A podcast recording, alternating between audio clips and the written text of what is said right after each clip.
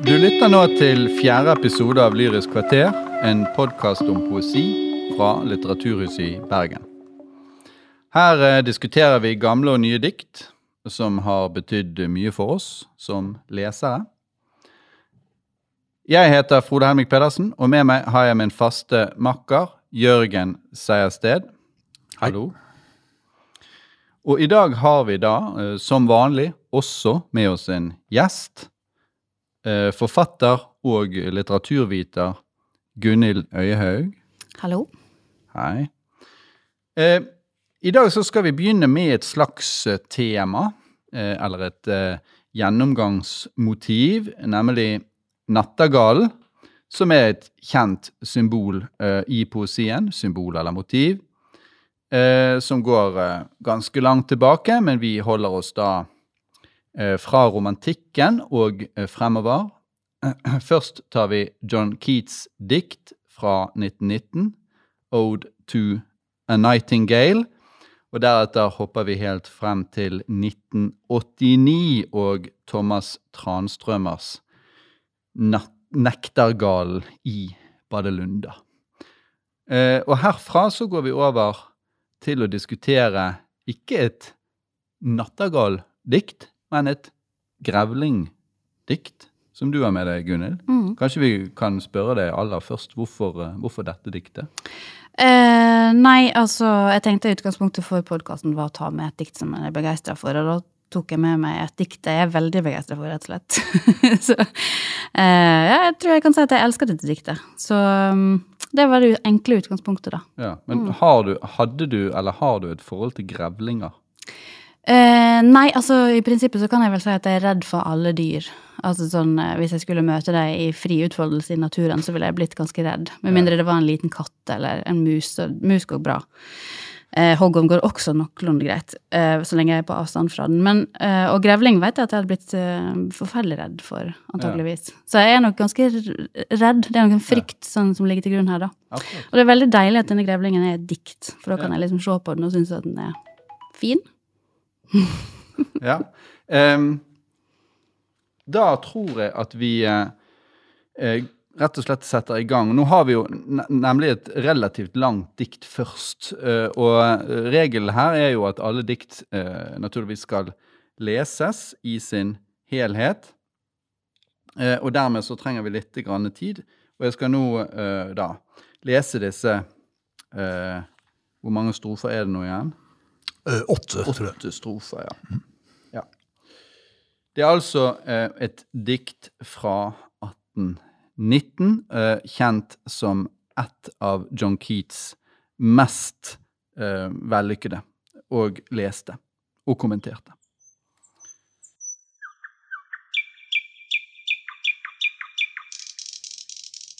My heart aches, and a drowsy numbness pains my sense as though of hemlock I had drunk, or emptied some dull opiate to the drains, one minute's past, and leathwards had sunk. Tis not through envy of thy happy lot, but being too happy in thine happiness, that thou, light winged dryad of the trees, in some melodious plot of beech and green and shadows numberless, singest of summer in full throated ease. O for a draught of vintage that hath been cooled a long age in the deep delved earth, tasting of flora and the country green, dance and provençal song and sunburnt mirth. O for a beaker full of the warm south, full of the true, the blushful hippocrene, with beaded bubbles winking at the brim and purple stained mouth, that I might drink and leave the world unseen and with thee fade away into the forest dim. Fade far away, dissolve, and quite forget what thou among the leaves hast never known the weariness, the fever, and the fret. Here, where men sit and hear each other groan, where palsy shakes a few sad last grey hairs, where youth grows pale and spectre thin and dies, where but to think is to be full of sorrow and leaden eyed despairs, where beauty cannot keep her lustrous eyes, or new love pine at them beyond tomorrow. Away, away, for I will fly to thee, not charioted by Bacchus and his pards, but on the viewless wings of poesy. Though the dull brain perplexes and retards, already with thee, tender is the night, and haply the queen moon is on her throne, clustered around by all her starry face. But here there is no light, save what from heaven is with the breezes blown through verdurous glooms and winding mossy ways.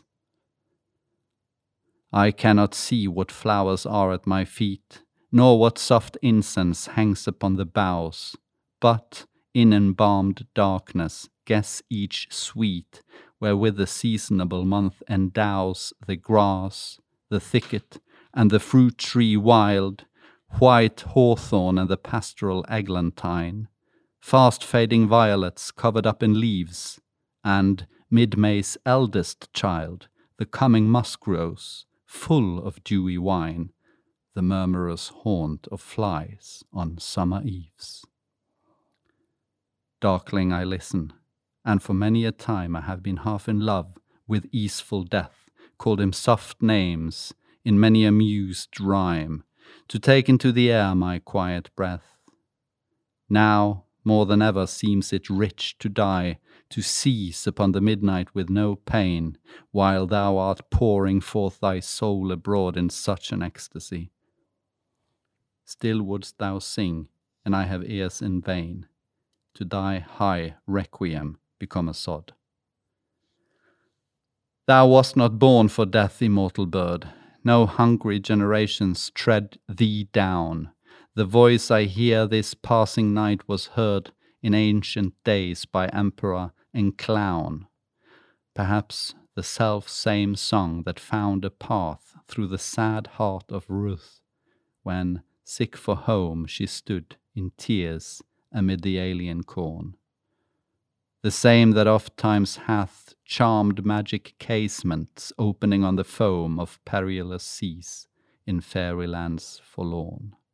Forlorn, the very word is like a bell to toll me back from thee to my sole self. Adieu, the fancy cannot cheat so well as she is famed to do, deceiving elf. Adieu, adieu, thy plaintive anthem fades, past the near meadows, over the still stream, up the hillside, and now 'tis buried deep in the next valley glades. Was it a vision or a waking dream? Fled is that music. Do I wake or sleep? Ja, det var uh, diktet. Um, og her er det selvsagt veldig mye å si. Jeg kan kanskje lage en slags liten innledning før jeg, før jeg spør dere hva dere syns. Ehm, det er jo ganske vanlig å snakke om, eh, eller å nevne, en liten sånn eh, biografisk detalj. Eh, Keats gode venn Charles Brown har forteller da at en morgen så setter En morgen i mai 1819 setter Keats seg under plommetreet uh, i hagen hans og hører på uh, nattergalsang mens han uh, skriver, da. Og ifølge biografen Jackson Bate, som er en ganske sånn autoritativ kilde, så er det et faktum at komposisjonen av dette komplekse diktet, som altså tilhører de mest antologiserte i engelsk tradisjon, skjedde i løpet av et par-tre timer. Eh, men det er altså ikke helt nøyaktig datert, men begynnelsen av mai 1819 virker rimelig. Det er liksom eh, biografisk kontekst. Vi kan si at vi har to hovedelementer i diktet. Vi har poeten som sitter og lytter, og som skriver da, men i, i diktet så, så, er det ikke tematisert selve skrivegjerningen. Han lytter, og han bruker fantasien.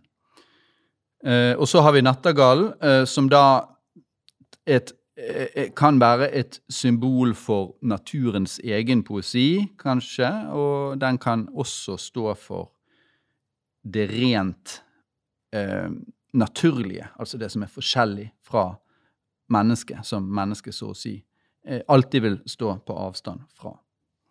Eh, sånn at man kan si at i spenningen mellom, eh, mellom disse to polene, nattergallen og poeten, så utfolder diktet seg. Og diktet er jo full av eh, utspørringer, spenninger og paradokser som eh, vi skal sikkert komme litt inn på etter hvert. Eh, det er jo i utgangspunktet snakk om et ønske fra jegets side om å oppleve en eller annen form for forening eller union med, med denne syngende nattergalen. Eh, men aller først så er det selve responsen på sangen som vi får et innblikk i. Eh, det er faktisk først en nærmest en dødslignende eh, respons, eh, som etter hvert blir tydelig også er en ekstase, og det er ganske typisk for Keats. Det er denne type nytelse i smerten osv., den paradoksale følelsestilstander. Eh, det er jo da skarntyden som her eh, opptrer, Hemlock, med sin gift, eh, dødelige gift. Og fra skarntydens gift så går det da til opiat, altså dødelig gift, til narkotika, og da i andre strofe til den mye mildere vinrusen. Før vi, før vi da entrer, så å si, nattergalens verden, da. Så er det et spørsmål da hvorfor eh, Hvorfor har han denne eh, responsen på Nattergals sang? Altså My heart aches er responsen. Eh, det er ikke fordi at han er misunnelig eh, på Nattergal, men fordi at han, er, at han er for lykkelig i Nattergals lykke. Det er en form for frykt for denne eksessen som er, ligger inne her i begynnelsen. Eh, og eh, vi kan jo legge merke til at nattergalen er jo her usynlig hele tiden. Gjennom hele diktet er, er det kun sangen som er berøringen mellom jeget og nattergalen, mens, mens nattergalen selv og nattergalens sted er forestilt primært da, i diktet in some melodious plot. Altså, han vet ikke helt hvor den er. Some plot of beach and green, altså fullt av grønn uh, grønt lys og blader og skygger. Det er det som hos uh, Keats ofte kalles for a bower på engelsk, og som ifølge Norsk ordbok heter løvhytte. Det er et, et tema egentlig hos, eller et motiv hos Keats hele veien, og, og det er et sted hvor diktning og kanskje først og fremst den visjonære ekstasen finner sted. Ja, eh, Så hvis vi går litt eh, videre, da, eh, så kan vi jo legge merke til at i strofe tre så er jo så er jo den verden som romantikerne ofte beskyldes for å fortie, nemlig den, den, den verden som er full av død og lidelse, den er til stede der som noe som Nattergal er forskånet fra å oppleve, og her har Keats satt inn en liten scene fra sin egen biografi, nemlig eh, broren Toms eh, dødsleie, som han nettopp eh, Eller som han overs... Hvor han var sykepleieren da, frem til eh, broren døde i 1818, altså noen måneder tidligere. Så det er en allmenn enighet om at where youth grows pale and spectre thin and dies, det er en referanse til lillebroren Tom. Uh, og litt av poenget her er jo både at den lidelsen som det er å være menneske, hvor det å vite mer alltid betyr også å få ta på seg mer sorg, det er noe han vil slippe unna. Uh, det er forgjengelighetens og dødens og og lidelsens verden. Og så vil han fly til Nattergal da, i fjerde strofe. Og fjerde strofe kommer vendepunktet. Det er Altså, hvordan vil han fly dit? Eh, ikke, ikke, ved hjelp av rus. Sant? Det er jo de to første strofene det henvises til der. Not charioted by Bacchus and his pards, altså hans leoparder, eller sånn slededyr. Eh, det er ikke slik man når fuglen. eh, men gjennom poesien. Men så, men så bare erklærer han i, eh, i den femte linjen her, det femte verset, Already with thee, tender is the night. Der er han allerede fremme. Eh, og så er det det at det er ikke noe lys eh, hos, eh, i, den, i den tilstanden han nå har kommet. Den tilstanden er beskrevet da særlig i femte strofe, og her er det en enorm Altså, det er den visjonære tilstanden. Den er paradisisk, men preget av da blindhet. Han kan ikke se, men han kan fornemme og gjette og sanse på andre måter. Og her, her er det at naturen i all sin sterke sanselighet liksom fylker seg rundt jeget. Og, eh, og, og, og, også opphever tiden, på sett og vis. Det er blitt diskutert en god del, fordi at her er det også naturfenomener som ikke enda, altså på dette tidspunktet tidlig i mai, har sett dagens lys. Han tenker seg allerede frem til The Murmurous Haunt of Flies on Summer Eves. Det er en senere begivenhet som, som allerede så å si er til stede i denne forøkede bevissthetstilstand i femte strofe, som etter mitt syn er helt, helt fantastisk. Og så kommer, så kommer da den sjette strofen, og her er det jo et dødsønske. Det er ambivalent. sant? Half in love with easeful death. Det er to på en måte kvalifikasjoner. Bare halvveis forelsket i døden, og det er en spesifikk død, nemlig easeful death. Eh, det er en forutdannelse fra Keats sin side. Keats allerede, har allerede på dette tidspunkt begynt å hoste. Han har jo noen år igjen, dør i 1821 av tuberkulose i Italia. Eh, han har en klar forutdannelse. Han har sett hvordan broren dør, og han skjønner at dette kan skje. Eh, men denne strofen og døden der, den må ses i sammenheng med det som står om døden i tredje strofe. Men det er klart at her er det en, en form for spekulasjon omkring hvordan døden kan være noe luksuriøst, og det er særlig hvis den er akkompagnert av nattergalens sang, som her fremstilles som ekstra ekstatisk i hans eget dødsøyeblikk. Og så er det da eh, denne syvende strofen. Eh, det, den, egentlig det den handler om, det er eh, hvordan nattergallen eh, blir en representant for noe evig, en evig eh, sang, eh, fordi at den ikke tilhører et individ eller tilhører noe tilfeldig, men tilhører selve arten. Det er den samme sangen, bokstavelig talt, som Ruth, moabitten Ruth hørte i bibelsk tid, og da lot seg bevege av. Men så er det også noe annet som skjer i dette diktet her, og jeg vet ikke, jeg kan kanskje komme inn på det senere, men det, det handler om fantasiens produkter. Og fantasien blir et tema der, eh, hvor nattergalen har en plass i en form for halvmytologisk fantasiverden, eh, som her avvistes. Og den avvises i denne linjen In fairy lands forlorn. Altså dette er eh, ikke eh, på en måte noe ekte, det er ikke noe sant, det er forlorent, det er falskt.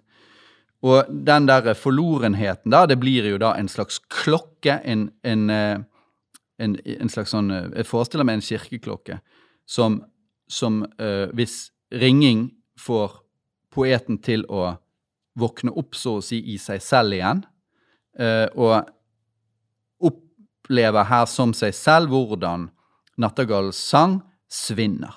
Man kan forestille seg at fuglen flyr, uh, og at Nattergalls sang da forsvinner til andre deler av landskapet, til den til slutt er begravd dypt i, i, den, i, de, i den, neste dalens Altså den borten, dalen bortenfor og de lundene som finnes der.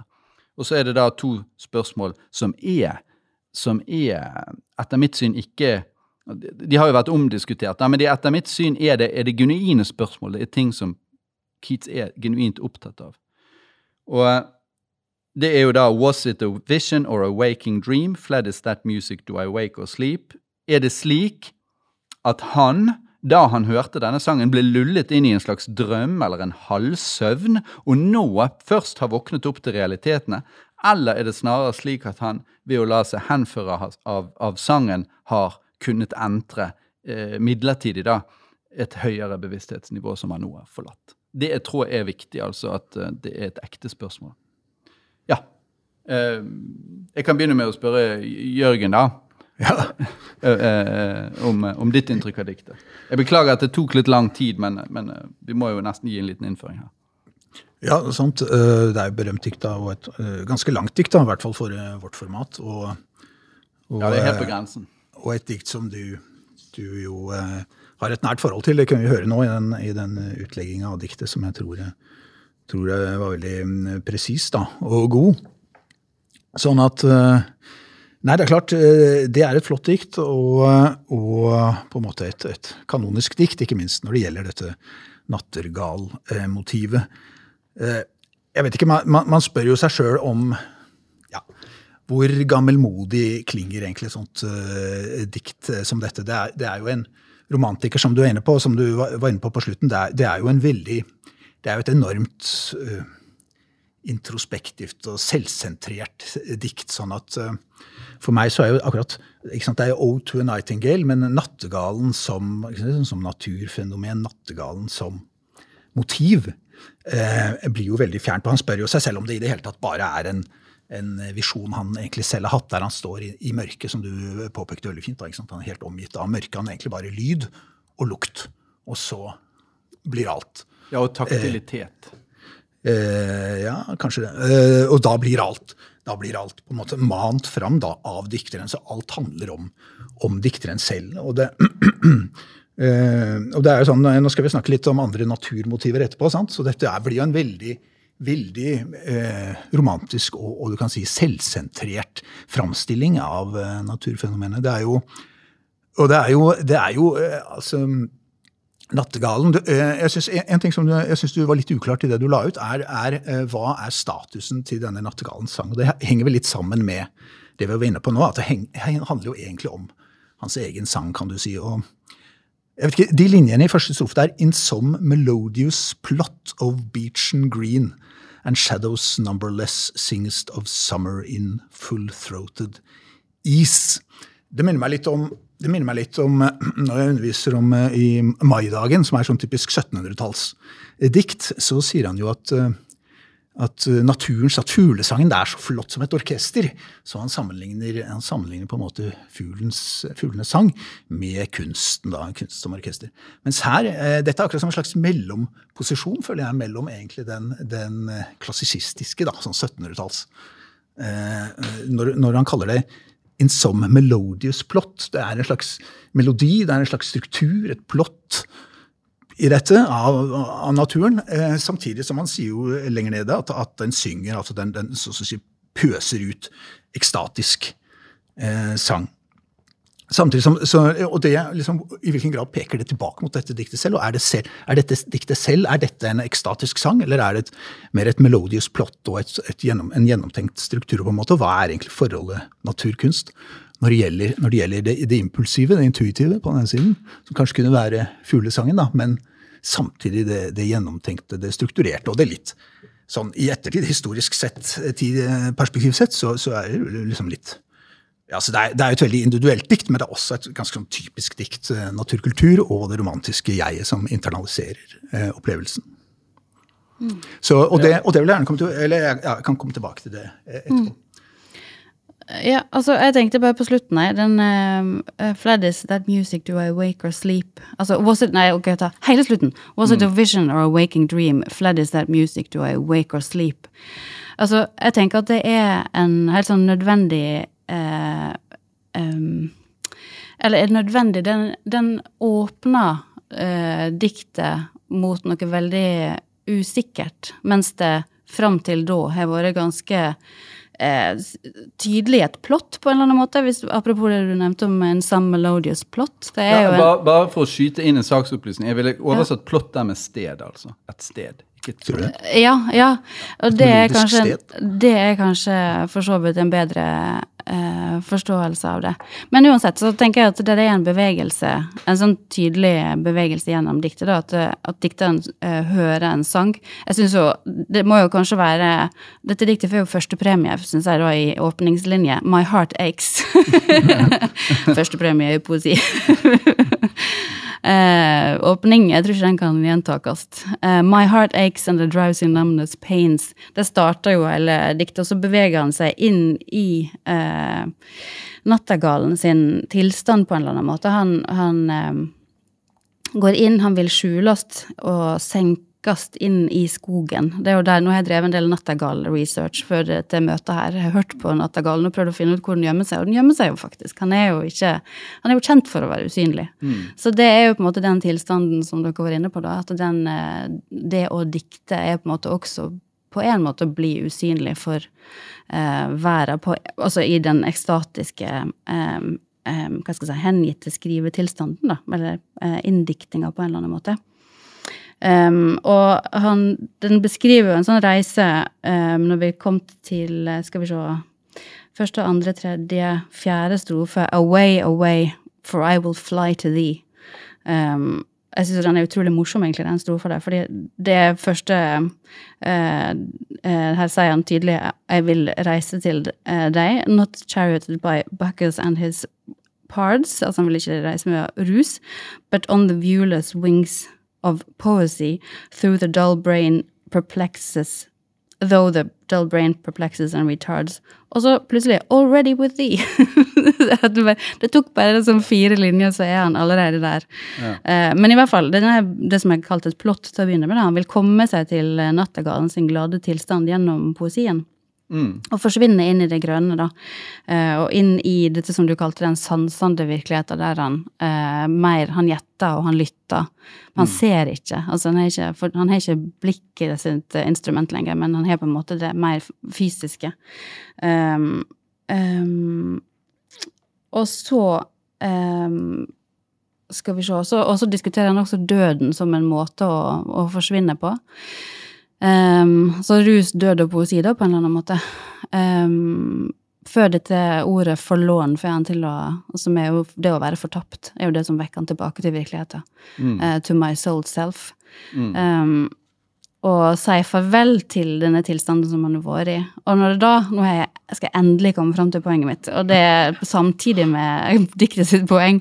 Was it a vision or a waking dream? Fled is that music? Do I wake or sleep? Det er uh, en utgang som gjør hele foregående tunge Hva skal jeg si lange reise gjennom diktinga usikker. Mm. Altså, og at det er um, Jeg syns at det er det som gjør dette diktet så sterkt, da. At det er en um, um, Hva skal jeg si den, ja, rett og slett usikkerhet. Da. At det er en slags det doble, og samtalen i diktet foregår fortsatt. Altså at den fortsetter i det usikre, eller den fortsetter i det um, i den samtalen. Og den samtalen er vel kanskje noe som kanskje holder diktet levende. Mm. Mm. Og den, den visjonære tilstanden som den eventuelt da henviser til der, så was it a vision? Mm. Den er jo helt, selvfølgelig helt sentral. Den, den er, er, paradisisk. Den er veldig tett knyttet til den poetiske erfaringen. Men den er samtidig en erfaring, sånn som jeg ser det. Det er ikke, det er ikke liksom helt identisk med selve diktet. Og og derfor så er jeg generelt eh, hadde nær sagt som vanlig uenig med Jørgen. altså jeg mener det, det er tvert imot, det er ikke et selvsentrert dikt. Og det er det, jo, det er det jo ganske stor enighet om at det nettopp ikke er. Altså at det er Wordsworth har disse selvsentrerte diktene som handler om, om da um, the spontaneous overflow of uh, feeling osv. Mens Keats, Keats er, er, en empatisk dikter, og her er det empatien med fugl, eller den empatiske sammensmeltingen med fuglen, som er temaet. Men Vi trenger ikke å krangle om det, men det er iallfall eh, det er eh, slik jeg ser det. Altså, Et romantisk dikt er jo alltid veldig tett knyttet til poeten, det er klart. Men, men her er det en, en lengsel ut, uh, og det er en lengsel etter noe annet enn en ren form for sånn selverkjennelse. Det er en form for uh, det er en form for ekstatisk forening med naturen, sånn som jeg ser det også. Men, men kan jeg spørre, uh, den der neste siste linja, was it a vision or a waking dream? Altså Spørsmålet er jo ikke om det var en visjon eller en sanseerfaring. Men hvordan forstår dere det? Var det en visjon eller en waking dream? Hva er det for noe? Ja, jeg tror at, jeg tror Sånn at, at- visjon er positivt kodet, mer positivt kodet her. Altså visjon er, ville vært å foretrekke, mens waking dream, da er det mer en dagdrøm som, som er forgjengelig. Men ikke i noen tilfeller var det på en måte en, en sansning.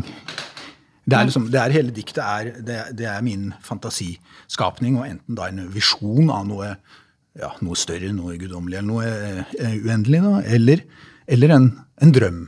Men uansett ikke, uansett ikke en erfaring. Eller en sansning, eller at den ytre verden eh, Ja, nei, åpenbarte seg for meg. ja, eller det er kanskje bare et spørsmål hva var dette? Altså mer enn eh, var det dette eller var det det, men hva var, hva var, det, hva var det jeg opplevde? Um, altså Ja, altså tenk, jeg leser ikke det som motsetning. Altså sånn, Var det en visjon eller en dagdrøm? Uh, mer en slags oppramsing. Var det dette eller det? er jeg våken eller sover jeg?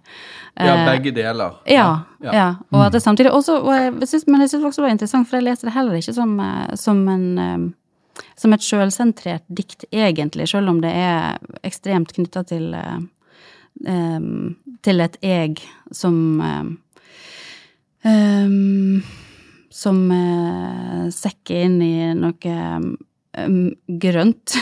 og jeg leser det heller ikke som en slags uh, sammensmelting med, med nattergalen. Jeg leser det mer om altså jeg, jeg tror kanskje det er fordi at det er et av mine favorittdikt er This Living Hand av Keats, som er veldig mye kortere enn dette. Um, der han um, um, held, um, Som er et dikt som jeg leser det, som handler om det å, å skrive. Altså det å skape et virkelig bilde gjennom uh, ord, da. Um, nå klarer jeg ikke å huske diktet utenat. Det Det burde jo alle kunne. This Living Hand. Jeg har sitert det liksom tusen ganger.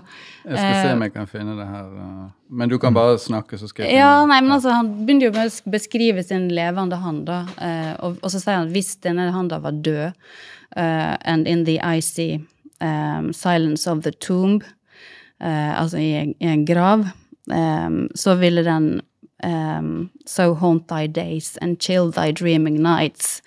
Uh, at du ville ønske ditt eget hjerte tomt for blod, sånn at det kunne renne gjennom mine årer igjen.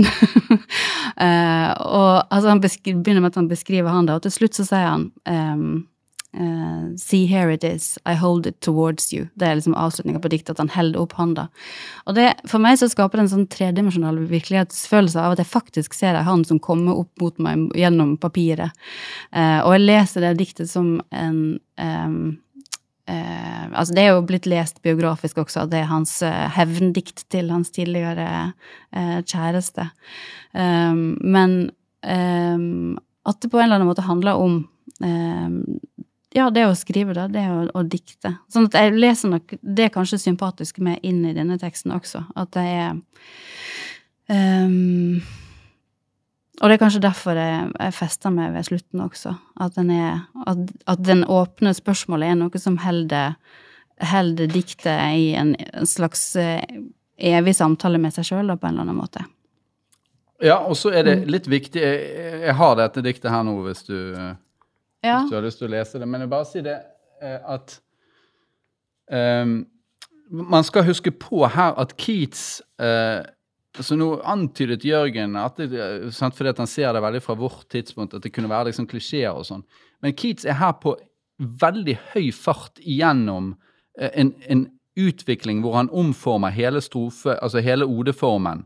Uh, og, og, og en, altså det går Hvis du ser på hans biografi fra det, det, det han gjør sånn rundt 1816 og frem til det han gjør da i 1819 særlig, og så vidt da her, så er det en rivende utvikling. Så han er, han er på en måte en slags uh, poet, poesiens uh, makrellstørje gjennom, uh, gjennom tradisjonen. Sånn at, sånn at å finne opp nye løsninger på gamle problemer hele tiden. Så, og her er han jo på vei mot et eller annet. Mm, Og så i det diktet du snakker om, mm, på, på vei mot et eller annet helt annerledes. ja. Ja. En slags talehandling til slutt. ja, absolutt. Altså det jo, jeg kan lese det Ja. hvis det er behov for det. Ja, les Um, det. Les det. Ja, det. da må jeg faktisk ta på meg brillene mine, for jeg ser jo ingenting. Ja. Um, This living hand, now warm and capable of earnest grasping, would, if it were cold, and in the icy silence of the tomb, so haunt thy days and chill thy dreaming nights, that thou would wish thine own heart dry of blood, so in my veins red life might stream again, and thou be conscience calmed. See, here it is. I hold it towards you. Ja, Jørgen? Uh, uh, ja, ja, nei, jeg jeg skjønner dere er begeistret, og det er en god grunn til å være det. det, det eh, ja, hvis jeg skulle fortsette den linja jeg har tatt eh, i forhold til dette diktet, så vil jeg gå til strofe syv og begynnelsen der. eh, hvor han da eh, henvender seg til nattergalen og sier Thou was not born for death, immortal bird, no hungry generations tread thee down. The voice I hear this passing night was heard in ancient days by emperor and clown. Um, og du sa jo det at da blir nattergalen en, en, en, på en måte en generell nattegal, og det er jo akkurat det som, som skjer. Og, og da er jo spørsmålet, uh, hvis vi ser på dette som et dikt om diktning og om kunst, da, kan man si det samme om dette diktet? Eh, Dere understreker jo nå veldig mye originaliteten i diktet. Men, men eh, det kan si at eh, det Keats her gjør, han, han går jo helt bort fra hva kan si, individualiteten og originaliteten til den enkelte nattergalen. Og sier at det den synger, er jo det som bare alltid har blitt sunget. Og, og da må vi jo spørre oss, dette diktet, er dette den samme sangen vi har hørt om kultur og natur, om jegets depresjon, og som sitter i sivilisasjonen, hvor folk sitter og, og, og Hear each other groan, som det står i strofe tre, som da står i motsetning til det som dere har understreket flere ganger, already with thee, hvor man da identifiserer seg med noe annet, noe skjønn, skjønnheten eller guddommen, eller at, at du har den motsetningen der mellom hverdagen i sivilisasjonen og, og, eh, og overskridelsen. Og, og dette er en sang som, eh, det er en sang som har vært hørt eh, både av, både av Emperor og Clown eh, i Ancient Days, og sånn sett så er ikke så er også Keats en immortal bird som gjentar den samme sangen som nattergalen eh, gjentar. Men jeg syns han går veldig langt her i å, å fraskrive den singulære, enkle nattergalen, dens, dens individualitet. Eh, Og da eh, må vi også stille spørsmål ved hans egen individualitet. Og det, og det er klart, det ligger jo i dette diktet, og det er jo noe av det som gjør det bra. Men, men der vil jeg jo, jeg vil jo vise til da at når, når han går Først så sier han da at dette er den samme sangen som eh, ble hørt i eh, gamle tider av keiser og klovn. Eh, da kan man tenke på Klovn kan man kanskje tenke på Shakespeare først, og så går man videre tilbake til eh, romerske keisere, kanskje. Og så går man enda lenger tilbake til eh, Gamle testamentet og Ruth. Eh, men så kommer da The same that oft times hath charmed magic casements. Og det har jeg jobbet med de linjene en del. Eh, det er et, eh, et maleri. Et helt spesifikt maleri som man antagelig henviser til der. Eh, som du kan se hvordan de har sånne magiske Eller de har sånne casements, det er en sånn spesiell type vinduer, og så åpnes det åpnes de ut, og ut, der ligger det en magisk sjø. Det er et romantisk bilde. Et sånn stormpisket uh, sjø. da.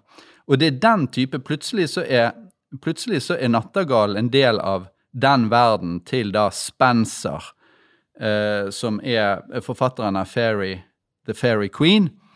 Eh, det er den type eh, verdener hvor man har fortryllede skoger og slott og magiske eh, feer og sånn. Den verden er det han nå knytter til sin egen fantasi. Eh, Sånn at eh, han får en veldig sånn eh, fin linje fra hvordan du har art, artens sang, til at nattergal blir gjort symbolsk. Den blir en del av et, et slags mytisk, eventyraktig univers som man plutselig avviser. Nei, det er, forlo det er forlorent. Det, vi kan ikke gå dit hen.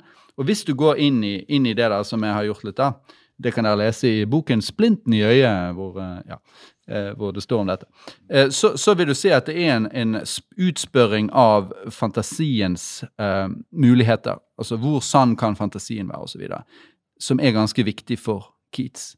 Altså Han tviler hele tiden på hva han kan oppnå som poet. Og ikke minst hva hans kolleger kan oppnå som poeter. Som er antagelig enda mindre.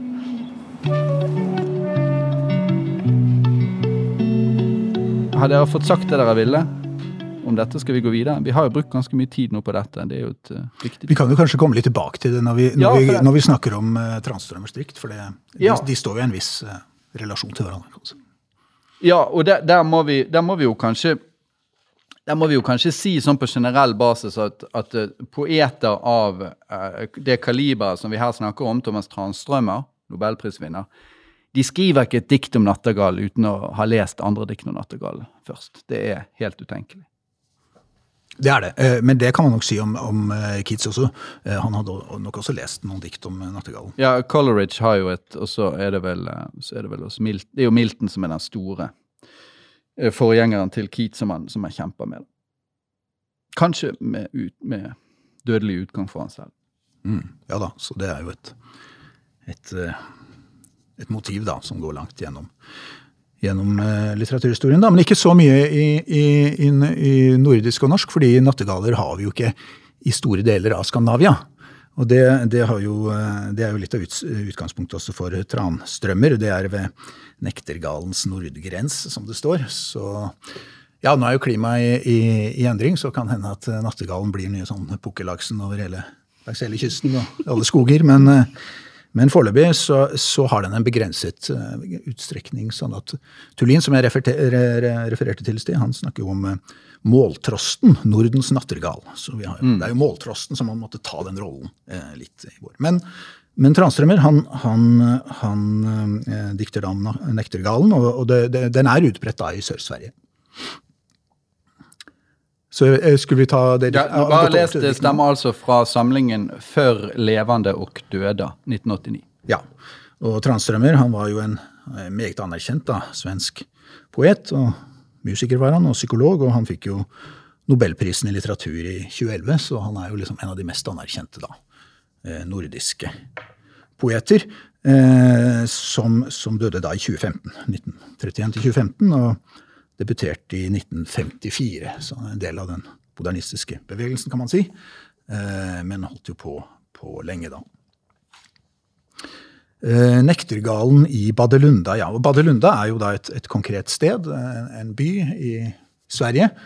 Uh, alltid tenkt at det lå helt i Sør-Sverige, men det, det viser seg, jeg måtte sjekke på kartet nå, det ligger litt sånn, ja, litt sør for midt, midten av Sverige. Men altså ved Nektergalens nordgrens, får vi si da.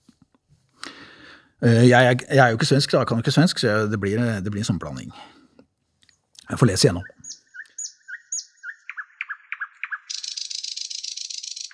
I den grøna midnatten vid nektergalens nordgräns.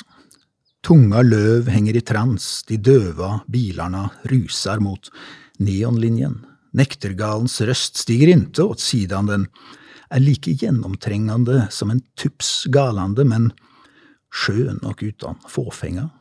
Jeg var i fengelse, og den besøkte meg. Jeg var sjuk og den besøkte meg. Jeg merkte den inte då, men nu Tiden strømma ned fra solen og månen og inn i alla tikk-takk, tikk-takk, samme klokkor, Men just her fins ingen tid, bare nektergalens röst, rå råa, klingende tonerna som slipar natthimmelens ljusa lie. Ja, hva betyr lie? Lie er altså en, en, en ljå.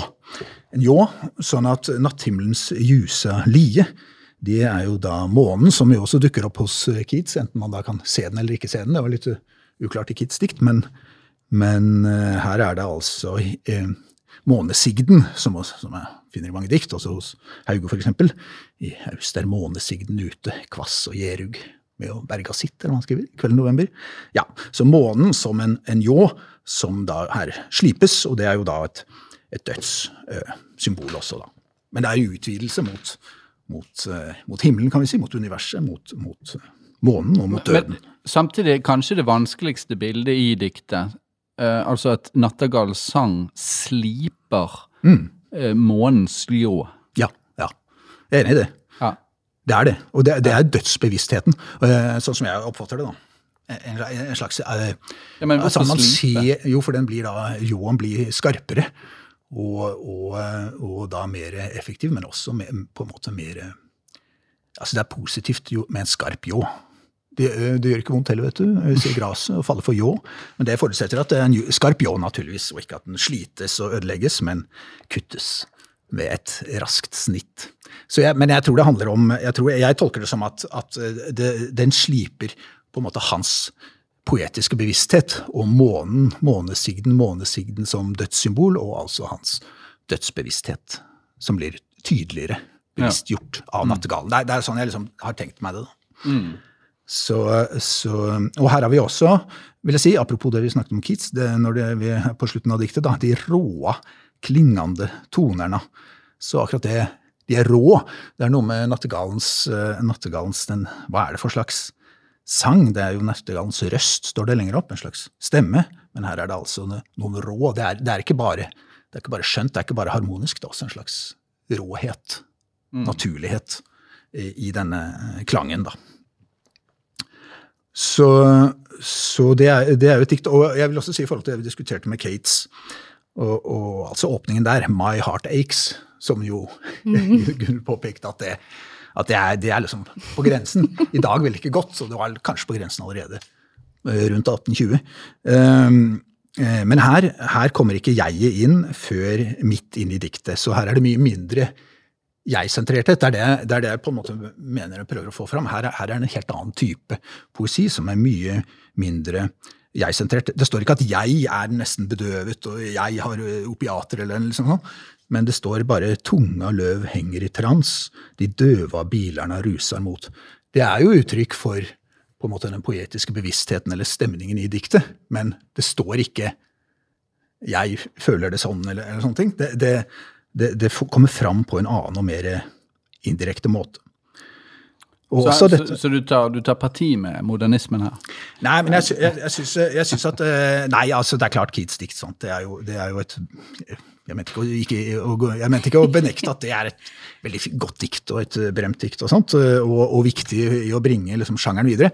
Men her har vi kommet enda, enda litt videre, og, og, her er det på en måte kommentarer som kanskje fra vårt perspektiv er, er, er interessante i forhold til Keats. da. Bygger, han står på skuldrene. Selv om han kanskje er en mindre person enn Keats, så står han på skuldrene til Keats og når dermed kanskje enda litt høyere. Eh.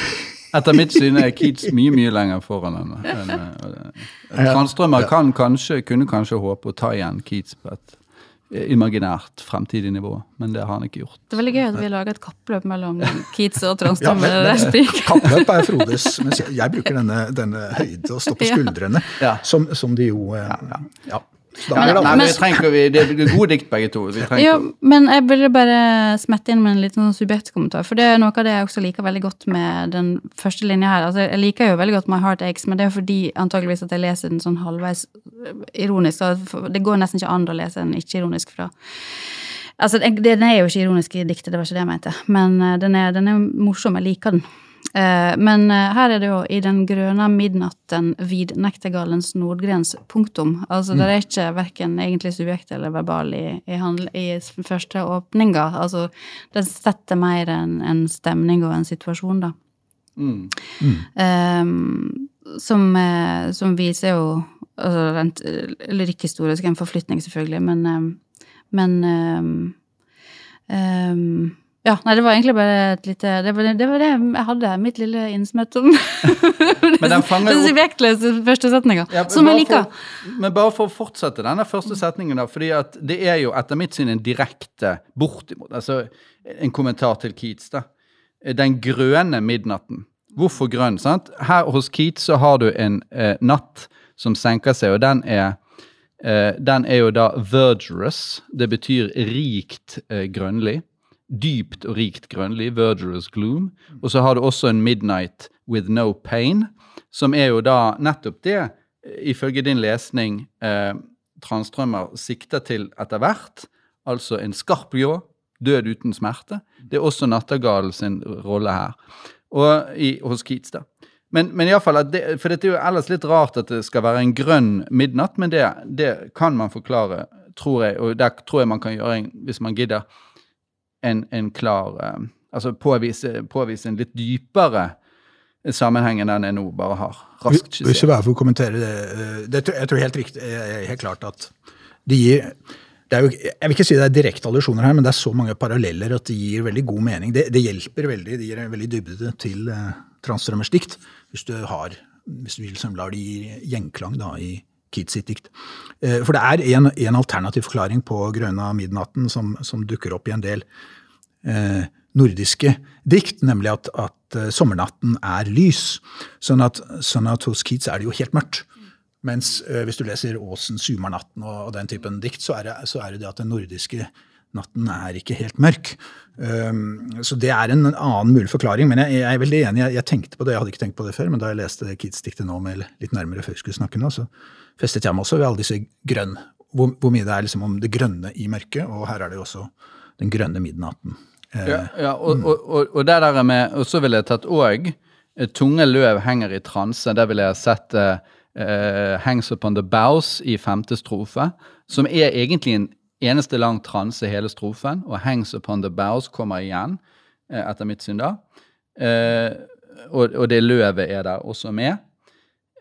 Og så ville jeg også tatt Men her fins ingen tid. Og den ville jeg ha tatt uh, mot slutten av fjerde strofe. But here there is no light. Uh, men sånn at uh, det er to ting Altså det er forskjellige ting som ikke er der, da. I Keats sitt tilfelle, altså lyset er der ikke. Men det betyr ikke at det ikke er lys, for hvis du leser videre, så står det 'Save what from heaven is with the breezes blown through verdurous glooms and winding mossy ways'. Det er nesten Ture Erik Lund-aktig eh, snirkling av eh, hvordan lyset går igjennom all slags eh, faser før det får et gjenskinn. Sånn at, Eller en slags tilstand av lys, og så, og så får du da en situasjon hvor, hvor, poeten ikke ser, og dermed heller ikke vet om det er månelyst eller ikke. Men kan forestille seg at det er antagelig tilfellet.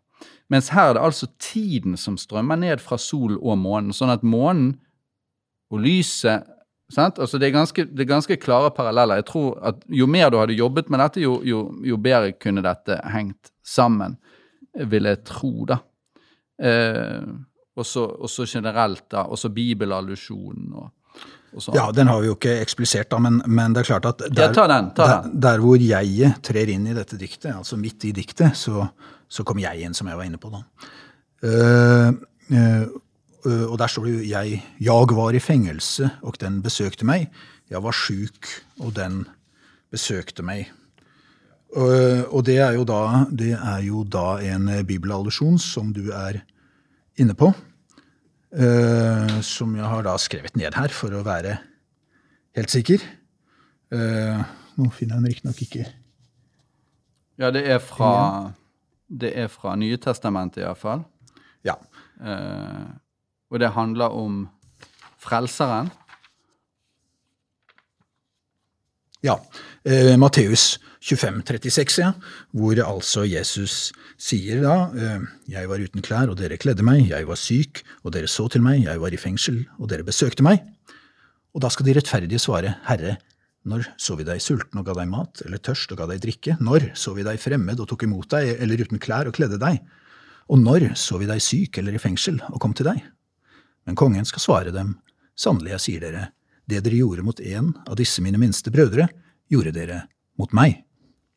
Ja, så det, så det er jo da et uh, sentralt sted og velkjent sted i Bibelen, som jo handler om moral og uh, religion. Og du var inne på Keats, han har jo den allusjonen til Ruth i Bibelen. Ruth som da måbitten som er hos, hos jødene da, og går i, i åkeren der. og og hører Nattergallen og er fylt av melankoli. Og her er det altså en, en slags sånn imitatio Christi, hvor jeg eh, altså siterer Jesus, og et av de, mer, et av de mest hva skal jeg si, moralske og inderlige stedene i, i Bibelen. da.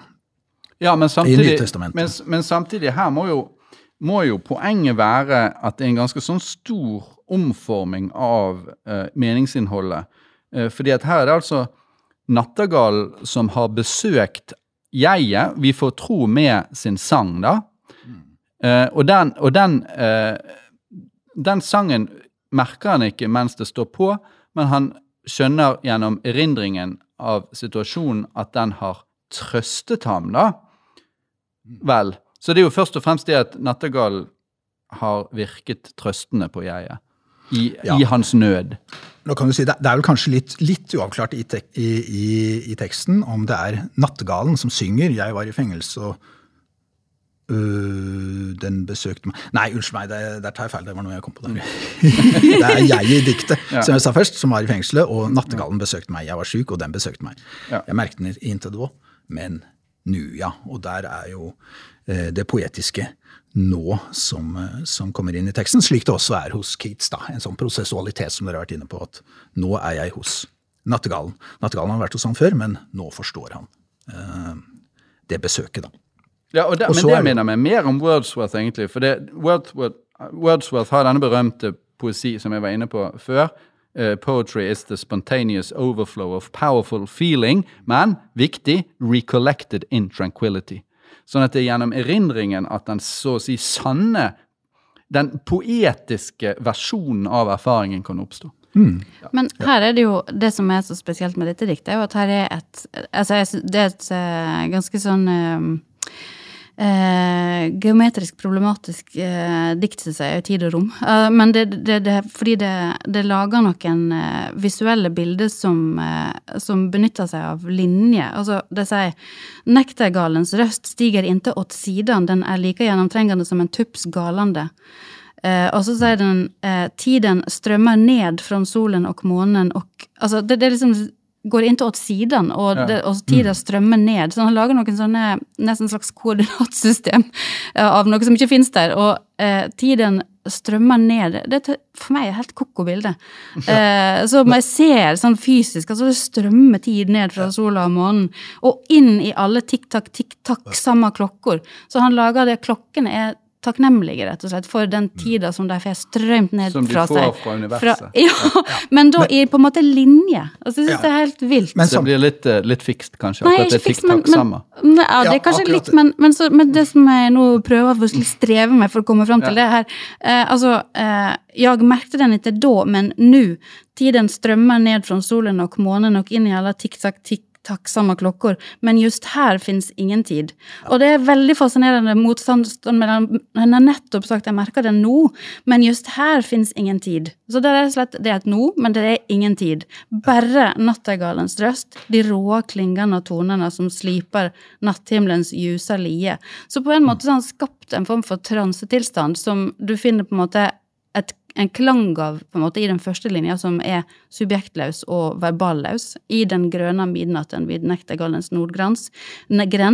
Og så har du disse tungeløva som henger i transe. De er nettopp på en måte utafor seg sjøl, og de døve bilene som jo ikke hører, ruser mot neonlinjen, som jo er noe som blir gjentatt i denne ljusa lie på slutten. Altså den linjen er jo noe som går igjen. Så det er, det, er noen, så, det er noen sånne linjer her som jeg syns er veldig veldig fascinerende, og også den sånn slags eh, ikke eh, Altså både påpeking av tid, eh, men også den fullstendige negeringa av den. Just her fins ingen tid, som er en setning i presens. Så jeg bare, jeg, Det er det som gjør at jeg liker det veldig godt. Da. Det er det hele tiden å bryte opp sine egne eh, påstander på en eller annen måte, og er eh, blir til slutt en påstand om at her fins bare nektergalens røst. røst. Eh, Og døden. Her fins bare døden. Nei, for, eh, jeg er helt enig. eh, Jeg skulle egentlig fram til det at, at i motsetning altså, Kit sa jo også en tidsdimensjon selvfølgelig i diktet, men dette diktet går jo over på slutten og, og handler mest om tid. På, en, på en kanskje litt for, litt for eksplisitt måte, men da, da er det jo Jeg, jeg leser det som en, det er en motsetning da mellom du kan si den mekaniske tikk-takk-tiden, som, du- som du sier, utvikler seg i en linje og, og er en parallell kanskje til bilene og og klokken, altså teknologien, er, liksom fremmedgjort her, og så mot det så har du det, så å si det evige øyeblikk, altså den subjektive eh, tid, som er en slags sånn Alt er til stede i øyeblikket. Og det er For mange så er jo det en viktig del av, av poesien, da. ikke sant? Det er dette her med punkt kontra linje og alt det der. At det er liksom et Man prøver å, å ta en sånn øyeblikksstemning. Og så strekker jo alltid språket seg ut i, i linjer og i tid, men samtidig så er det det poetiske målet er akkurat her og nå. Uh, og det er jo et uh, paradoks sant, som, som i og for seg ikke kan løses, men, men som, som diktene kan ta opp. Og, og her blir det tatt opp kan, kanskje nesten litt for, litt for eksplisitt, da. Men at, at det er, er liksom det, det subjektive, lyriske nået. Ja, det er jo, det er jo, det er jo veldig tydelig kontrast til Keats at bilene er døve, og at, uh, det viser til Nattergalls sang. Så Nattergall hadde hos Keats en ekstremt reseptiv mottaker, poeten som satt under plommetreet. Mens her er det døve biler. Og det, men hvis vi skal snakke om gammelmodig, så syns jeg nesten dette er mer gammelmodig. Det der med at du, vi liksom har fått maskiner og sånn gravemaskiner og biler som ikke hører etter, og så ruser bare mot neonlys og sånn. Det, det, det, det syns jeg, jeg er mer sånn Men, det, Men- men han er jo likevel i sin tid, da. Ja. Så Men hos Keats så har du jo 'Here where men sit and hear each other groan', så der er det jo også det auditive. De, du har liksom menn som sitter og, og Eller mennesker, da, som sitter og klager og, og Jeg tror det er egentlig bare menn. Det er bare menn som sitter og klager. Ja, kanskje det. Og så mot det så står, så står på en måte sangen, da. Og her er det bilene, da. Som, det er teknologien. Det er, det er et sånt teknologielement. Og det, det, det er jo et Det reflekterer jo vår tid da, i forhold til, til hva Keats var opptatt av. Men det er jo et sivilisasjonselement hos Keats også, det der at du sitter, sitter, egentlig sitter her nede og syter og klager i, Ja, på men jeg tror, ikke, jeg tror ikke han mener er. syter og klager. Jeg tror han mener absolutt at de har grunn til å, til å lage til å disse lydene. Ja, fordi at Keats hadde jo vært sånn Hva er det, hva det heter på norsk? Det som var den gangen en surgeon. Um, den tradisjonen fra 1700-tallet. En bartskjær. En bartskjærer, ja. Altså, ja, ja. Ja, altså, man hadde en, en slags sånn det var, det, var, det, var, det var mye lettere å bli en, en kirurg, kan du si, da, enn en, en, en var jo også kirurg. lege. Han hadde de, de skarpe knivene. Ja. Så, så, så Keats jobbet jo på et sånt sykehus hvor alle stønnet hele tiden, og så, hvor, hvor, de var, hvor det var helt, forfer helt forferdelig å være. Så jeg tror ikke vi hadde liksom smilt litt av at, han, at, han, at, de, at de drev med syting og klaging inn på den der stuen der, altså. Uh, så- Nei da, de det skal få lov, de skal få lov. Det var ganske heftig. Jeg tror det var litt verre enn vi kan forestille oss. Ja, det Ja, tror jeg på. samtidig så det er jo still, altså, Where but to think is to be full of sorrow. Altså, her hvor, hvor, hvor du har jo disse adverbiale leddsetningene, som er sånn typisk for sivilisasjonskritiske dikt. Her hvor vi sitter, her hvor, her hvor det er sånn, her hvor eh, ærlighet går til grunne, her hvor skjønnhet ikke kan finnes. Her hvor bare det å tenke er å være eh, trist.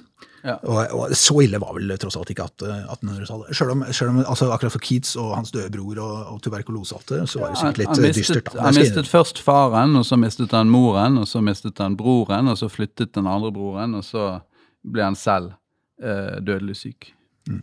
Ja. Så han har sett veldig mye død og opplevd veldig lite lykke.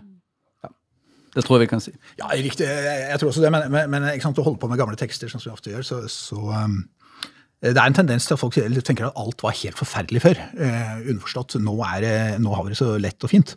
Men, men eh, folk blir jo syke og dør eh, fremdeles. Ja, absolutt. Eh, Men, eh, men du slipper å havne på sånt, eh, en sånn sal hvor de står og sager av bein. Jeg tror kanskje vi går eh, videre nå. Det, tiden eh, flyr. Eh, og så eh, går vi rett og slett til eh, Alice Oswald og hennes dikt 'Body', og så ser vi om vi kan eventuelt eh, knytte det også til disse eh, tross alt dyre, den dyre tematikken vi har hatt så langt. Ja, jeg skal prøve å lese det. Um, dette fins faktisk, det man kan jo si til eh, de som hører på, at det fins jo opplest av Alice Oswald på internett, så det er bare å leite. Um, body. This is what happened. The dead were settling in under their mud roof, and something was shuffling overhead. It was a badger treading on the thin partition. Bewildered were the dead, going about their days and nights in the dark, putting their feet down carefully and finding themselves floating. But that badger, still with the simple heavy bod- box of his body needing to be lifted, was shuffling away alive, hard at work, with a living shovel of himself. Into the lane he dropped, not once looking up, and missed the sight of his own corpse falling like a suitcase towards him, with a grin like an opened zip, as I found it this morning, and went on running with that bindweed will of his, went on running along the hedge and into the earth again, trembling, as if in a broken jug, for one backwards moment, water might keep its shape. Ja, takk. Vær så god. Flott lest. Takk. Um, vil du uh, kanskje begynne å kommentere det i tillegg? Ja, altså um, jeg tror at um, det jeg liker så Det som jeg likte så godt med det sånn helt umiddelbart, det var Det er to bilder, rett og slett. Eh, det er det bildet som er i midten, altså når det står at han eh, eh, grevlingen was shuffling away alive, hard at work with a living shovel of himself. Det syns jeg ga nytt liv til eh, det å grave sin eg- Det å grave sin egen grav. Og, gra eh, og eh, også selvfølgelig avslutningsbildet. altså dette med bildet av As if in a broken jug for one backwards moment, water might keep its shape. Jeg husker jeg fikk uh, rett og slett bakoversveis. Jeg ble mindblown når jeg leste dette, fordi at det er Jeg ser det egentlig for meg som en sånn slags film, nesten, der der eh, eh, hva heter det, muggen feller fra hverandre, mens vannet beholder forma til, som det har vært i. da. Og bare, det, bare den tanken var eh, så ny for meg. Eh, og den Det handler litt om Altså igjen så tror jeg det handler for min del om eh, forholdet mellom Altså hva som kan skje i diktet, litt sånn som jeg var inne på med Keats' diktet med uh, This Living Hand. At det oppstår noe levende gjennom, uh, gjennom diktet. Um, hun har faktisk skrevet, jeg tok det med um, et sitat fra et intervju som hun har gjort, der hun, hun er veldig um, glad i, for å si det mildt, Homer. Hun har jo gjen, eller, um, skrevet flere diktverk basert på på Homer, um, og der sier hun om han um, He just transmits life, no mediation. He describes a leaf, and you don't get a description of a leaf, you get a proper leaf. That's always been my principle. You've got to make something living. Og det eh, Jeg tror det er det som er eh, min sterke tiltrekning til dette diktet, blant andre av Alice Oswald. Hun er jo kanskje min aller største favorittforfatter, hvis jeg skal begynne å rangere dem. Noe som er ikke så lurt å gjøre. Um, men jeg tror det er det at hun lager den um, Altså for eksempel da dette bildet av vannet som blir holdt i, i in shape på tross av at uh, vasen eh, knuser. Så ja, det var veldig kort om hvorfor jeg er begeistra for det, da. Men det er jo bare en kommentar til det med Homer, så er det jo en veldig tydelig slags parodi kanskje på en sånn katabase som man hadde i antikken, som var et sånt kjent motiv, og hos Homer, hos Vergil, i mytene om Orfeus osv. Her er det grevlingen som så å si graver for dypt, kan man kanskje si, som dvergene i The Mines of Moria, og kommer da eh, uforvarende helt ned i dødsriket på sin graveferd, og faller ned eh, da, eh, og, og blir eh, plutselig et lik, da. Eller vi, det kan vi jo diskutere. Men, at, at, at han også, men at han også muligens får en sånn sjanse, da, som Evredyke fikk. Eh, det er et eller annet med at han, han Altså, det ligger i den allusjonen, altså i den henvisningen, muligheten for å stå opp fra dødsriket igjen, etter du har kommet ned der, som levende. Og det er, det er jo absolutt eh, noe som, noe som er med her. Jørgen? Uh, ja, Uh, ja, nei, jeg er enig i at dette, dette var et, et fint dikt. Et annerledes uh, dikt. Um, eh, jeg tenkte litt på, uh, Gunn, da du snakket om de siste, de siste bildet. Eh, en ting som jeg merket meg med det bildet, er at eh, trembling, står det da. As if in a broken jug for one backwards moment, water might keep its shape. Sånt det er en bevegelse i det bildet, fordi at eh, man blir jo sittende og lure på det er, er det slik? Går det an å tenke seg en situasjon der en, der en mugge liksom psh, Ja. eksploderer, og vannet faktisk i et backwards moment beholder formen, eller, går det, eller er det egentlig bare en, en illusjon? Eller, eller det skjer ikke. Det er vanskelig å tenke seg at det faktisk skjer, og, og det står jo også egentlig her. As If. as if. Ja, It might. Så det, det blir en slags eh, Ja. Bildet blir en, ikke en vanlig metafor, men, men en, en kreativ en, en, Ja. en Ja. Men, og det synes jeg det er jo også det som er så glimrende med det. Men- altså, at det er, det er nettopp det as if. ja. Mm. Så der er det liksom noe bevegelig, noe flytende i selve, i selve billedskapningen. Da.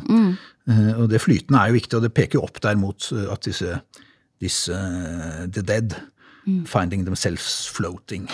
Som da, i motsetning til The Badger og, og den kroppen. Mm. Men jeg la merke til at du, du, du nevnte ikke at du likte det det andre, det, det tredje bildet, da, med, med grevlingen. Det, det er veldig idiosynkratisk, kan du si. da, Det derre 'missed the sight of his own corpse falling like a suitcase towards him, Mm. with a grin like an opened zip'. Ja, jeg liker det også. Jeg liker det også veldig godt. Jeg tok ikke med. Det er, det også et veldig bevegelig bilde, Ja, eh, veldig. kan du si, som er slående, men samtidig, samtidig vanskelig på en måte å, å feste helt i hvis du liksom går inn han, han gikk glipp av altså synet av sin eget, sitt eget lik. da, Korps, det er vel helst et menneskelik. Du kan bruke det om Eh, også. Du kan også. bruke det om dyret, eh, som falt som en koffert. Ja. Ja. Ja. Ja, og hva sier, hva sier du om det? Ja, nei, altså, det, jeg kan jo heller kanskje um, uh, Altså, dikt- tittelen på diktet 'Body' er jo Det er jo uh, tvetydig, skulle jeg til å si, på, på engelsk, for det kan jo både bety kropp og lik. Altså, uh, og så det er jo den gjennomgående um, kontrasten i diktet hele veien. Og så er det jo også, når det står at um, Altså, den her Åh, nå blir det for mange ting som hoper seg opp samtidig her. Altså, This is what happened, det er jo eh, innledningslinja. Den står i kontrast til As if in a broken jug for one moment. Altså, sånn, dette er det som skjedde, det er en nyhets... eh, dette var det som skjedde i går. Um, men så viser det seg at det er ikke så enkelt å vite nøyaktig. Når jeg la diktet om igjen, så tenkte jeg at jeg er nå helt sikker på at denne grevlingen dør på slutten der. Og så tenker jeg ja, jeg er faktisk det, fordi det står i parentes, faktisk. Altså hele nåtidssituasjonen i diktet jo, blir jo egentlig bare um, Eller den konkrete situasjonen uh, kommer jo bare fram i en parentes. This is what happened. Uh, og så blir det da The dead were settling in under their mudroof. Det er jo det som blir andre setninga. Men da er, det, da er vi over i en ikke-reell virkelighet. Um, så vi skal, tror at vi skal få vite noe som um, foregikk på denne, denne måten, logisk, konkret, men vi får- vite noe helt hysterisk. Altså The Dead Were Settling In Under Their Mud Roof. Og det er noe som veldig gjennomgående for diktet. Denne her, um, det å prøve å finne seg sjøl i en ny situasjon. En reise. Koffert, uh, koffertbildet er jo et sånt eksempel på at noen har tatt med seg noe og reist til en ny plass. Um, og disse døde som prøver å finne seg til rette under, i den nye heimen sin. Da. Altså settling in er jo noe du gjør i en ny heim, sant? Eller, i et, eller for eksempel i et, på et hotellrom, kanskje. Um, og det står at it was a badger treading on the thin partition, som betyr skillevegg. Eller altså sånn, og det, det tynne skillet da, mellom det som foregår over og under virkeligheten, kanskje, uh, er det som et sånn gjennomgående motiv i diktet. Men det du sier er at 'as I found it this morning', det er det som er det konkrete motivet? En, Ja, en død altså- grevling Ja, altså, det er det jeg tenker som er den konkrete situasjonen. As I found it this morning, det var, der ligger en død grevling ute i hagen med uh, the grin like an open zip. Eh, men samtidig så er det uh, Diktets virkelighet er jo også en påstand om at da fortsetter um, grevlingen å springe. Eh, and went on running with that bindweed will of his. Altså den uh, Altså tanken er at den fortsetter å springe um, into the earth again. Um, yeah. uh, trembling, og da, og da er, blir denne grevlingen og denne knuste vasen, altså denne til um, Hva skal jeg kalle det, da? Um, potensielt knuste vasen, as if in a broken jug. Det, altså det blander seg bildet av den døde, muligens springende grevlingen med den knuste vasen og vannet. Ja. Så det er helt sånn fantastisk Ja, for, for det, kobling av de to. det ble skallet så å si rundt. Det er, Mm. det, ble, det, det er knust, men han, han, grevlingen har et øyeblikk der. Han kan fremdeles Ja, eh, s- løpe. ja, som om han, kan, kan beholde den forma som han har hatt, da, i, eh, også videre i, det, i etterlivet, på en måte.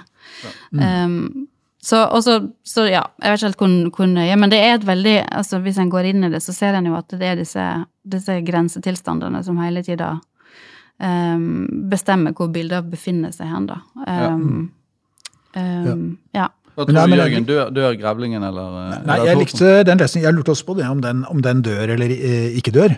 Uh, og jeg lurte også litt på om I found it this morning. Er det at, var det en koffert hun fant, en åpen sipp, eller var det grevlinglike? Men jeg, jeg er litt enig, jeg tror det er grevlinglike, og så er det en slags eh, meditasjon som peker mot grevlingens muligens videre liv. Ikke som ånd, men som vilje, på en måte. Bind with will. Mens, mens vi der oppe har hatt disse the dead, som, som jo vi har, tenkt, har, har vel først tenkt på det som mennesker, da. Slags døde sjeler eller ånd under jorda, begravet eh, kirkejord eller noe, noe i den. Og så kommer eh, dyret, grevlingen, med sin tyngde. Og så har den dødd, falt ned i sin tyngde, og så får vi en slags poetisk diskusjon om at den i sin bindweed, slyngplanteaktige, er det det, vilje, løper videre, på en måte, som ak- Kanskje da, som om vann kunne kanskje ha beholdt sin form et øyeblikk i en Ja. Så det, det er noe der, og jeg tror kanskje vi skal være forsiktige med å liksom, lage for mye av en fasit ut av dette, for det er jo åpenheten og det flytende og det bevegelige både i, i bildene og, i- og i språket her er vel en del av Altså Dette er mer enn både hos Strandstrømmer og i hvert fall mer enn hos, hos Keats-diktet, så er jo dette et åpent modernistisk dikt som motsetter seg litt. Det er ikke en gåte vi skal løse, men, men jeg, jeg syns vi nærmer oss ganske mye og binder det sammen. Ja, og det, det gliset, så det dø, Ja. dødsgliset, sant? det er en åpnet glidelås. med tennene. Det, det, det er jo da. Det er en god metafor. Og der, dermed kommer Altså, det er det første, og så går det tilbake til suitcase etter det, tenker jeg da. Mm. Men, k- ja, at det, at den, den, når, når kofferten åpner seg, så blir det på en måte også en munn som kan sluke noe. Mm. Kanskje. Ja. Ehm, selv om jeg ikke selvfølgelig ikke er enig i at det er mer åpent enn Keats sitt dikt, hva det, når det skulle bety. Men, eh, men, Jo, jo, det vil si. men jeg trenger ikke å Men- i den forstand at det, det, er- det er vanskeligere å, å, å oversette til en poetikk og en, en fortelling og en, en Ja, Vi kan jo ta det helt til slutt nå, for det, vi, må, vi må avslutte. Vi har sikkert holdt på for lenge. Jeg har ikke engang klokke her. Men, eh, men eh, den, denne grevlingen, hvis vi skal liksom sammenligne kanskje litt med Nattergal, er kanskje ikke helt sånn rettferdig sammenligning, men hva er det egentlig denne grevlingen uh, fungerer som rent sånn poetisk her? Ehm, han fungerer som motiv i dette diktet. Ja, men det er jo det, Men- det om det er noe metapoetisk. Ja. Om poeten så å si finner seg igjen i denne gravingen nedover mot de døde og sånn. Ja. Hele det der Orpheus-motivet er jo tross alt en sånn grunnmotiv i, i Ja. diktningen. Mm. Nei, jeg tenker mer eh, Altså, jeg leser jo meg sjøl inn i denne grevlingen, så jeg vet ikke helt hva om Alice Oswald har tenkt at jeg skal gjøre det, men, eh, men jeg, for meg traff det i hvert fall veldig hardt. Altså, Hard at work with a living shovel of himself. Den tenkte jeg, ja, den tar jeg. Så det er en eh, Jeg leser det noe som treffer meg eksistensielt, da. Og at grevlingen blir um, um, uh, Og også den uh, um, hva skal jeg si da? Nei, jeg har litt sånn problem kanskje rett og slett med å, å knytte den til, til Nattergalen. Og det er kanskje også litt fordi at det, på den måten at Nattergalen er et så eh, tydelig han, Den har en så lang tradisjon som, som poetisk motiv. på en måte. Den, liksom, liksom, den kommer med en sånn slags katalog av, eh, av mulige tolkninger, eller hva jeg skal si. Mens grevlingen er um, Den biter seg fast. Men, den men samtidig så, den er jo, men den er jo, altså den er jo utgangspunktet for, um, for poeten sitt blikk, da, i dette. Og det som blir uh, Og da tenker jeg på egentlig den som skriver i diktet, altså. Jeg tenker ikke nødvendigvis på den som snakker i diktet, mener jeg. Nei, jeg skjønner. Mm. Nei, men altså, jeg, jeg tenkte bare det at du har jo luft, sant? Mm. Og, og eh, Nattergal hos Keats refererer jo delvis til The Skylark hos Shelley, Mm. som er veldig, veldig høyt oppe. Så det er luftige sfærer, mens her er det nedover i jorden. Mm. Så det er to så å si poetikker. Så det der at dette skulle liksom være fjernt fra en sånn politikk, det, det tror jeg ikke noe på. Men, men, men, men det, det er mer for, Du kan assosiere i norsk sammenheng til Ibsen, eksempel. Bergmannen, Mm. som, som jobber seg nedover i gruvene. Det er en annen type en annen type poetisk visjon. Ja da. Men jeg Nei, tenker, enig i det. ja, Eh, jeg tenkte bare at det er jo tre dikt som også handler om eh, grenser, da. Altså det er grenseland mellom Altså Nattergalen som er skjult i i eh, skogen, rett og slett, eh, for Keats. Og, og eh, den grensen som vi var inne på med Transtrømmer. Og det er det også her, den eh, partition mellom det virkelige og det uvirkelige. Mm. Som, som poesien kan bruke. Sånt er jo. Nettopp. Det er jo et lyrisk jeg som identifiserer seg med et, et dyr på en måte i begge tilfeller, men som forlår inn på fugler, poesiens fugler, sånn, det, det er flyvende. eller sånn, mens, mens grevling jeg, I hvert fall kjenner ikke jeg til noen lang, noen lang eh, tradisjon med grevlingdikt, men det, det kan jo komme, og så kan en dag i fremtiden noen, noen eh, bygge videre på det som en sånn eh, konvensjon, da, eller en klisjé, grevlingklisjé. Nå har vi hørt nok av poeter som sammenligner seg med grevlinger. Men foreløpig ikke. Dette er den første jeg har sett. Eh, ja, men det er ikke den første som, som, som uh, sammenligner um, poesien eller litteraturen med det å bore Nei, seg er nedover. Så, så det, er jo, det er jo en del av det, da. Men, men samtidig også det siste, det siste poenget jeg vil bare gjøre, er jo den som jeg glemte å nevne med Keys, er jo the negative capability. og Et veldig sånt viktig eh, stikkord for hans poesi. Og som jeg oppfatter veldig kort fortalt som nettopp denne evnen til å gå ut av seg selv. Ved hjelp av fantasien, ved hjelp av poesien, og komme inn til et eller annet annet, nemlig da f.eks. en forening med Nattergallen, eller i dette tilfellet eh, da en eller annen form for innlevelse i grevlingtilværelsen. Så, så begge er negative. Et eksempler på negative capability. Dette handler ikke om, handler ikke om denne poetens uh, indre liv eller følelser. Mm. Det handler om en, det er en bevegelse ut, Mm. tror jeg. Floating. Ja. Floating. Ja. Mm. Ok, skal vi si oss fornøyd med, med denne gjennomgangen, og så avslutter vi og takker for alle som uh, klarte å høre på hele denne episoden. Eh, Varte litt lenger kanskje enn vi hadde trodd. Eh, men eh, vi eh, takker for oss og ønsker velkommen tilbake til Lyrisk kvarter nummer fem senere i høst.